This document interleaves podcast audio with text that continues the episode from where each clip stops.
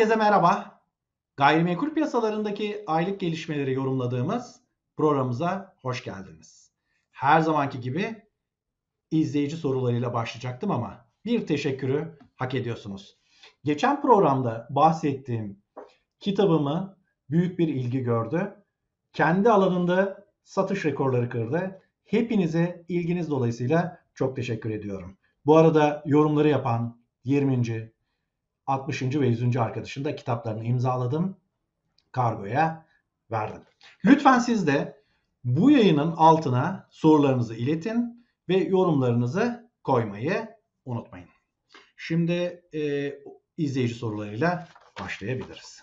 Şimdi bir izleyicimiz diyor ki konut piyasalarının döngüsel olduğundan, dairesel olduğundan bahsedilir. Acaba bunun bilimsel bir temeli var mı diye soruyor. Evet, bilimsel bir temeli var. Bütün gayrimenkul piyasaları çevrimsel hareket ederler. Yani zaman zaman gayrimenkul piyasalarında fiyatlar yükselir, daha sonra sönümlenir, aşağıya doğru gider. Bunun açıklaması ise şöyle. Biliyorsunuz gayrimenkul yapılı gayrimenkullerde gayrimenkulün bir üretim safhası var. Yani biz bugünkü piyasaya bakıyoruz. Bugünkü piyasada talep çok kuvvetli. Fiyatlar yukarıya doğru gidiyor. O zaman gayrimenkul üretimi hızlanmaya başlıyor. Hızlanan gayrimenkul üretimi biliyorsunuz ekmek üretimi gibi işte hemen hamuru yap bir saat içinde ekmeği teslim et değil. E, nereden baksanız planlama yapmak, ruhsat almak, projeyi tamamlamak 2-3 yıl sürüyor. Dolayısıyla bugünkü koşullara bakarak 2-3 yıl sonra teslim edilecek konut inşaatına girdiğimizde arada bir açıklık oluşuyor. Yani konut imalat kararı, imalatın tamamlanmasıyla verilen karar arasında 2-3 yıllık fark var. Öyle olunca da konutun tamamlanacağı dönemde birdenbire piyasa bambaşka bir hale dönmüş oluyor. Bu nedenle de bugünkü talebe göre üretilen gelecekteki konut ile gelecekteki talebin kesişmemesi e, konut fiyatlarının düşmesine neden oluyor. Genel olarak anlatımı budur. Peki bir başka izleyicimiz yine şöyle bence harika bir soru sormuş. Diyor ki metro hattı yapılacaksa bir bölgede bunun fiyatlara yansıması ne zaman olur diye söylüyor ve nasıl yüzde kaç yansır diye soruyor. Şimdi öncelikle ilkemizi koyalım. Birinci ilkemiz şudur gayrimenkul fiyatları ile ilgili. Herhangi bir gayrimenkulün sosyal alanlara, çalışma alanlarına, doğa parklarına yani arzu edilen bölgelere erişimi kolaylaştıkça o gayrimenkul fiyatı da yükselir. Öyleyse bulunduğunuz mahalleye, evinizin bulunduğu noktaya metro hattının yaklaşması, gelmesi demek sizin de gayrimenkulünüzün değerinin artması anlamına gelecektir. Peki bu değer artışı ne zaman oluşur? Birinci sırada ilk zıplayıcı değer artışı metro hattının oraya yapılacağı duyulduğunda ortaya çıkar. Yani şuraya şöyle bir metro hattı yapılacakmış kararı alındığında ve duyulduğunda ilk zıplama gerçekleşir. Sonra inşaat başladığında ikinci bir atak yapar. Üçüncü atak Tabi bu atakların arası zayıf geçer. Yani bir ani bir atak ve o bölgede durma. Üçüncü atak metro hattının bitmesine doğru açılmasına yakın olduğu dönemde bir atak daha yapar. Bir müddet daha bekler. Son dördüncü ataksa metro hattı açıldıktan 3-4 ay içinde ortaya çıkar. Peki yüzdesi ne olur diye soracak olursanız tabi onu bilemiyoruz. O dönemki konut fiyat artışlarıyla bağlantılı olacak. Ama metro hattına ne kadar yakın olduğunuz, metro hattının sizi kentin önemli merkezlerine, noktalarına kaç dakikada taşıdığıyla bağlantılı bir değer artışı olacaktır. Ama şunu söyleyebilirim. Hani artık Türk lirasıyla hesaplamak biraz zor ama e, döviz bazında bir metro hattı olan konut ile metro hattı olmayan konut arasında %50 kadar bir fark beklemek rasyonel olacaktır. Şimdi yine bir başka izleyicimizin başka güzel ve e, milyonluk sorusu var. Milyon dolarlık sorusu şu. Bu milyonluk konutları bu maaşlarla kim alacak diyor. Güzel. Ee, arkadaşımızın tabii ki temel e, önermesi, kabulü diyelim. Aslında Türkiye'deki insanların çok önemli bir bölümünün maaş aldığı ve maaşlarının da ya da gelirlerinin sabit olduğu varsayımına dayanıyor. Oysa ülkemizde önemli bir kesimle kendi işini yapıyor. Esnaf, sanatkar, serbest meslek sahibi, sanayici, tüccar gibi maaşa bağlı olmayan bir kitle var ve onlar gelirlerini enflasyona göre ayarlayabiliyorlar. Esasen dar gelirli ya da sabit gelirli belli bir maaşa bağlı olan nüfussa e, bu enflasyonun yıkıcı etkisi altında bir hayat pahalılığı yaşıyor. Dolayısıyla kim ki ekonomideki enflasyona göre gelirini düzeltebiliyor ise, gelirini ayarlayabiliyor ise, sattığı, ürettiği hizmetin bedelini artırabiliyor ise onlar bu konutları alma gücüne sahip olacaklardır diyelim. Biliyorsunuz toplumlarda gelir dağılımı dengesizdir ve bir kısmı e, toplumsal kesimler daha çok gelire sahip olurlar ve onların talebi hiçbir zaman tükenmez. Bir başka izleyicimiz de şöyle bir soru soruyor. Eğer seçimlerden sonra faizlerde sert bir artış olur ise bu faizlerdeki artış konut piyasasına nasıl etkiler diye soruyor. Geçmişe doğru baktığımızda benzer faiz artışlarının olduğu dönemlerde konut piyasası değerli arkadaşlar el freni çekilmiş kamyon gibi olur diyeyim ben size. Yani birdenbire seçim sonrası eğer %40, %50'lik faiz oranlarıyla karşı karşıya kalırsak bu durumda konut kredi faizleri de zıplar. Konut kredisi kullananlar neredeyse sıfıra yaklaşır ve aslında konut piyasasının e, önemli bir şeye e, talep yapısı ortadan kalkmış olur. Bu bir. İki, faiz oranlarındaki artışla varlık fiyatları arasında ters bir ilişki olduğu için faiz oranlarındaki artış her türden varlık fiyatını geriletir. O dönemde de konut fiyatları geriye doğru gider. Nasıl bir piyasayla karşılaşırız? Hem fiyatların geriye gitti hem işlem adetlerinin azaldığı bir piyasayla muhtemelen karşı karşıya kalacağız demektir.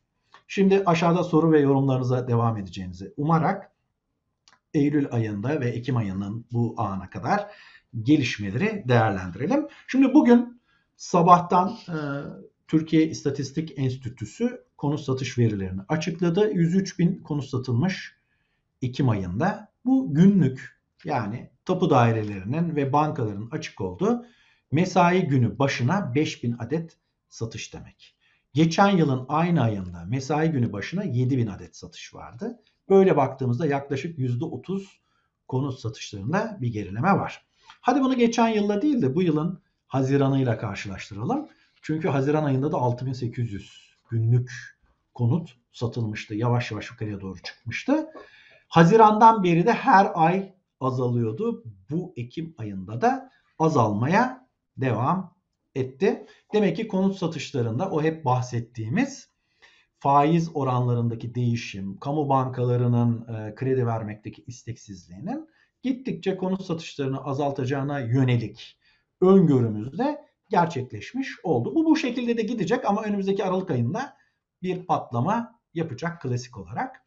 E, zaten satışı daha önceden gerçekleşmiş ancak tapu devirleri henüz yapılmamış satışlar Aralık ayında istatistiklere girecek ve Aralık ayında ciddi bir konut satış sayılarında artış göreceğiz.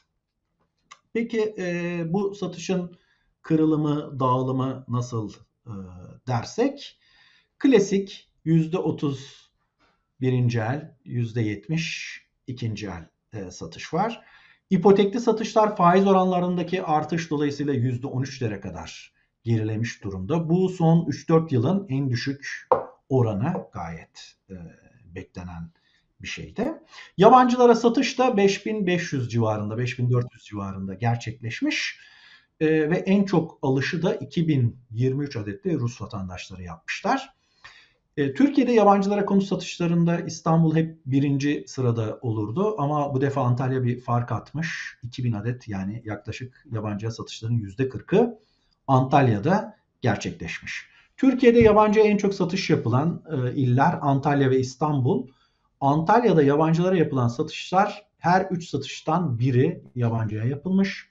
İstanbul'da da her 10 satıştan biri yabancıya satılmış. Yine Merkez Bankası fiyat endeksine göre Türkiye'de konut fiyatlarının en çok arttığı il Antalya. İkinci sırada da İstanbul geliyor. Demek ki aslında yabancılara yapılan satışlar fiyatlar üzerinde de bu verilere göre etkili olduğunu düşündürtüyor. Peki konut e, fiyatlarına e, gelelim bir taraftan. Merkez Bankası'nın yine bugün açıklanan endeksine göre bütün Türkiye'de son bir yılda %189 konut fiyatında artış oldu. Merkez Bankası'nın endeksi hedonik endeks yani basitçe şöyle söylersek kalite etkisinden arındırılmış bir endeks. Bir de yine Merkez Bankası'nın birim fiyat endeksi var. O da şöyle bütün verilerin ortalama ya da ortanca diyeceğimiz bir metrekare birim fiyatını veriyor. Bu metrekare birim fiyatlarına göre size söyleyeyim. Bütün Türkiye'de ortalama birim metrekare fiyat 15.863 lira. Yani 100 metrekare bir konut yaklaşık 1 milyon 600 bin lira gibi gözüküyor. İstanbul'da 25.714 lira yani 2 milyon 600 bin diyebiliriz 100 metrekare bir konut için. Ankara'da 11.200 323 lira. Orada da 1 milyon 100 bin. İzmir'de de 18 bin 761 lira. 1 milyon 900 bin civarında ortalama konut fiyatı. İşte Merkez Bankası'nın bu hedonik endeksi değil de ortanca fiyattan ürettiği endekse baktığımız zaman da aslında Merkez Bankası'nın ilan ettiği bu yüzde %189'luk fiyat artışı yüzde 216 oluyor. İstanbul için ifade edilen yüzde 212'lik fiyat artışı yüzde 241 oluyor. Yani yaklaşık 25 puan daha yukarıda. Buna hissedilen konut enflasyonu diyebiliriz. Ee, gerçekten dikkat çekici İstanbul için yüzde 241. Ee, yani hafsalanında almakta zorlandı bir fiyat artışı. Peki bakalım e, bu ayın yeni bir verisi daha var. E, Bahçeşehir Üniversitesi Ekonomik Araştırmalar Merkezi e, ilan portallarından hareketle ürettiği ilk defa iş yeri fiyat endeksi de ürettiler ve elimizdeki iş yeri fiyat endeksinde de onu vereyim İstanbul için %153 fiyat artışı, Ankara için %135 fiyat artışı iş yerlerinde, İzmir için %147 fiyat artışı hesapladılar. Yani yaklaşık %50 diyebiliriz. Ama konut fiyatlarındaki artış da biraz önce söyledik. %216 bütün Türkiye için. Buradan bakın çok önemli bir şey ortaya çıkıyor. Konut fiyatlarında %216'lık bir artış var ülke çapında. Bu 3 ilin iş yeri fiyatlarındaki bir yıllık artışsa %50'ler civarında. Yani konut fiyatlarındaki artış iş yeri fiyatlarının 60 puan daha üzerinde gözüküyor. İşte bu da bizi kaygılandırıyor. Yani iş yerlerinde ticari gayrimenkullerin fiyat artışı konutların 60 puan kadar gerisinde. Acaba soru şu. Konutlar mı fazla değerli yoksa ticari gayrimenkuller mi biraz düşük fiyatlanıyor diye onu belki zaman içindeki programlarda e, test edip görme şansımız olacak. Şimdi konut e, satışlarının 5000 adetlere kadar düştüğünden bahsetmiştik. Fakat e, bu konut satışları Ekim ayı itibariyle son 8 yılın en düşük Ekim ayı satışını veriyor. Yani gerçekten zayıf bir konut piyasası var. Fakat konut dışı bir gayrimenkul piyasası da var biliyorsunuz. İş yerleri, arsalar, tarlalar, diğer kapalı mülkler burası ise satış rekorları kırıyor. Yani konut satışları zayıflamış 8 yılın en dibinde ama konut dışı satışlar bütün yılların en yüksek satış oranını veriyor. Yani halkımız galiba fiyatlar çok yüksek konut alamayınca arsa tarla almaya yönelmiş gibi gözüküyor. Bu da gerçekten çok dikkat çekici bir gösterge bizim için. Bir başka göstergemiz e, inşaat maliyetlerindeki artış. Yine TÜİ'nin verilerine göre e, inşaat malzeme fiyatlarında yıllık enflasyon %133 oldu. E, fakat bu malzeme bir de işçilik var. İşçilikte de %85'lik bir artış var. İkisinin ağırlıklı ortalaması %120 civarında bir enflasyon yapıyor. Burada dikkat çekmek istediğim şu. E, malzeme endeksi %133 artarken işçilik %85 artmış. Aradaki fark bu. Ancak hepimiz biliyoruz ki yıl başında asgari ücrete önemli bir zam yapılacak. Demek ki Ocak ayından itibaren inşaat maliyet endeksi ya da enflasyonu da tekrar %130'lara doğru bir yükseliş gösterecek. Ee, daha önceki programlarımızda konut satışlarının yavaşlayacağını, fiyatlarda da bir enflasyona paralel ya da enflasyonun gerisinde bir artış olacağını söylemiştik. Eylül ayı verilerine göre hareket edersek Merkez Bankası konut fiyatlarında ülke bazında %5'lik bir artış olduğunu söylüyor. E, aynı dönemde enflasyonda da aylık bazda benzer bir e, oran var. Dolayısıyla konut fiyatları enflasyona paralel çizgisine çekilmiş durumda. Ancak önümüzdeki aylarda enflasyonun da gerisinde birkaç puan kalacağını da tahmin etmiştik. Hala aynı tahminimi sürdürdüğümü söylüyorum. Özetlemek gerekirse konut satışları düşüyor ama konut dışı satışlar artıyor. Fiyatlar yavaşlama eğiliminde, enflasyonun kısmen gerisinde kalabilir. Bir sonraki yayında tekrar görüşebilmek ümit ve temennisiyle şen ve esen kalın, barınmada kalın.